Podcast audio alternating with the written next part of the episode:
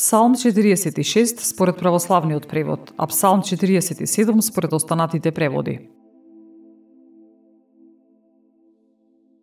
Заплескајте со рацете сите народи, воскликнете кон Бога со радосен глас. Зашто Севишниот Господ е страшен, голем царе на целата земја. Тој ни покори поднозе луѓе и народи. Тој ни одбра наследство за нас, достоинственоста на Јаков, кого го возлюби. Се искачи Бог при восклици, Господ со трубен звук.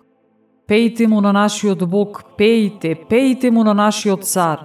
Пејте зашто Бог е цар на целата земја. Пејте му псалм. Бог е цар над народите, Бог седи на светиот свој престол.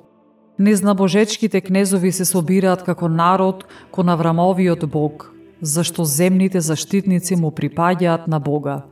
Тој е возвишен над сите.